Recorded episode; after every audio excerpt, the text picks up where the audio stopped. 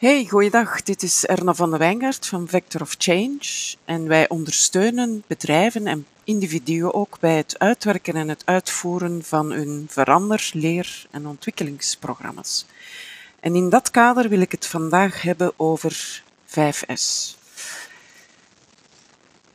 De meeste mensen die in kleinere bedrijven werken, die denken dat de principes van continu verbeteren, van lean management en dus ook van 5S, dat dat enkel voor grote internationale bedrijven weggelegd is. En zij denken dat de investering op gebied van tijd en geld dat die groot zijn en dat dat niet aangepast is aan het budget van een klein of een middelgroot bedrijf. Trouwens zeggen zij vaak, uh, het bedrijf is kleiner en dus gemakkelijker te overzien en wij hebben dat niet nodig, dus ze laten de dingen maar op hun beloop.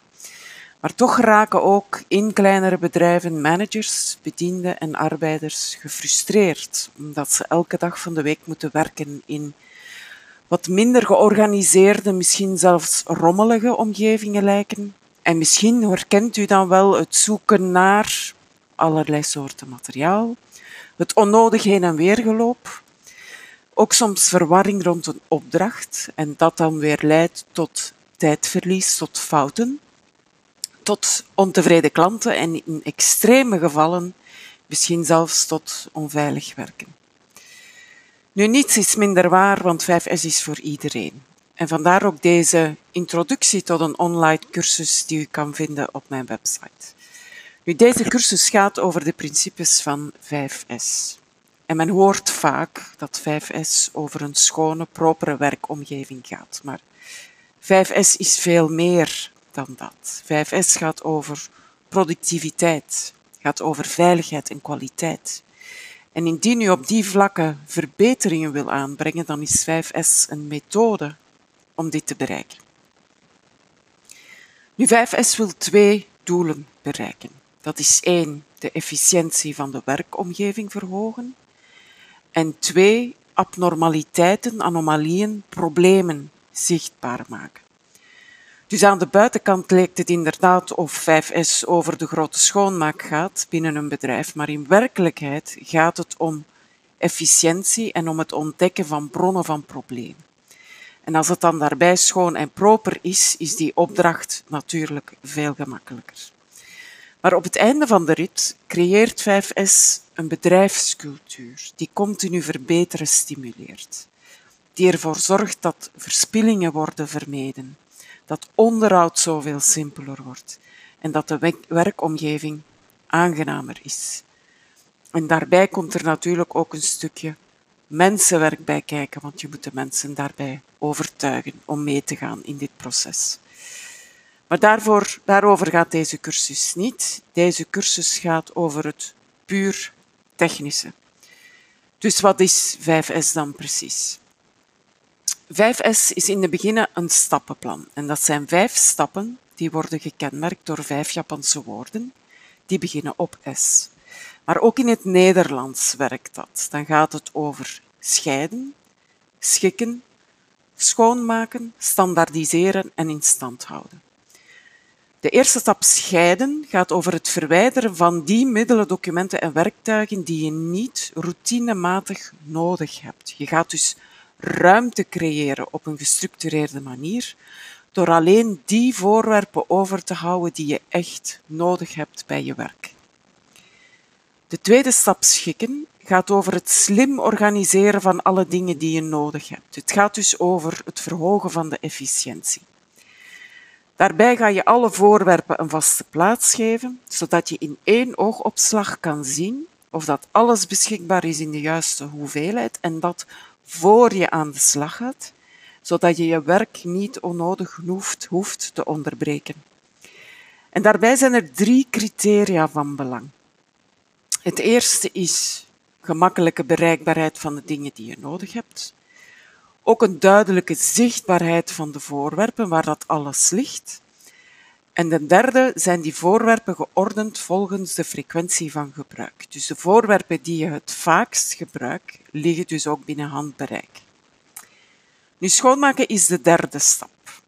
En het gaat hier niet over een regelmatige schoonmaakroutine. Het gaat hier in de eerste plaats om het ontdekken van eventuele lekken, van pannes, van defecten, die dan ook onmiddellijk hersteld kunnen worden.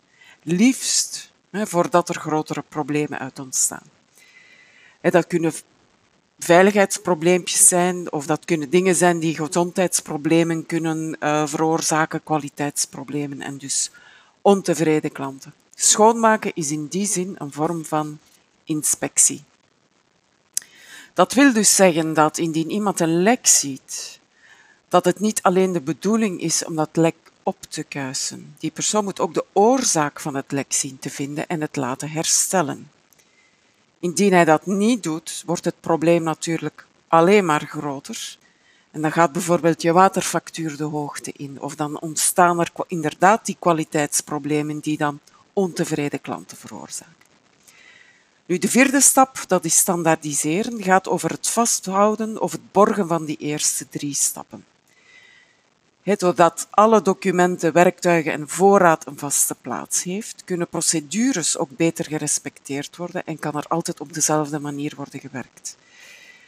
Hierdoor worden eventuele uitdagingen rond de manier van werken, rond het proces, duidelijker en kan men later verbeteringen voorstellen. Nu, het dagelijks zoeken dus naar die mogelijke bronnen van problemen, het schoonmaken ook effectief, het herstellen en die audits die bieden dan ondersteuning om die eerste drie stappen te kunnen borgen. Nu, de laatste stap in stand houden, die heb je bereikt wanneer die basisprincipes van 5S een tweede natuur zijn geworden. Zoals je ook iedere dag je tanden poetst, zonder dat iemand je dat hoeft te zeggen. Hier kan je dan zelf controlesystemen gaan installeren en mensen uitnodigen om verbeteringen in het proces aan te brengen. Nu, ik sprak je in het begin van een cursus. Nu, hoe gaat deze cursus dan in zijn werk? Je krijgt eerst de volledige uitleg aan de hand van een Agile Trello-bord. Vanuit mijn ervaring weet ik dat als er geen project management ondersteuning is, dat 5S-projecten vlug dreigen te verwateren.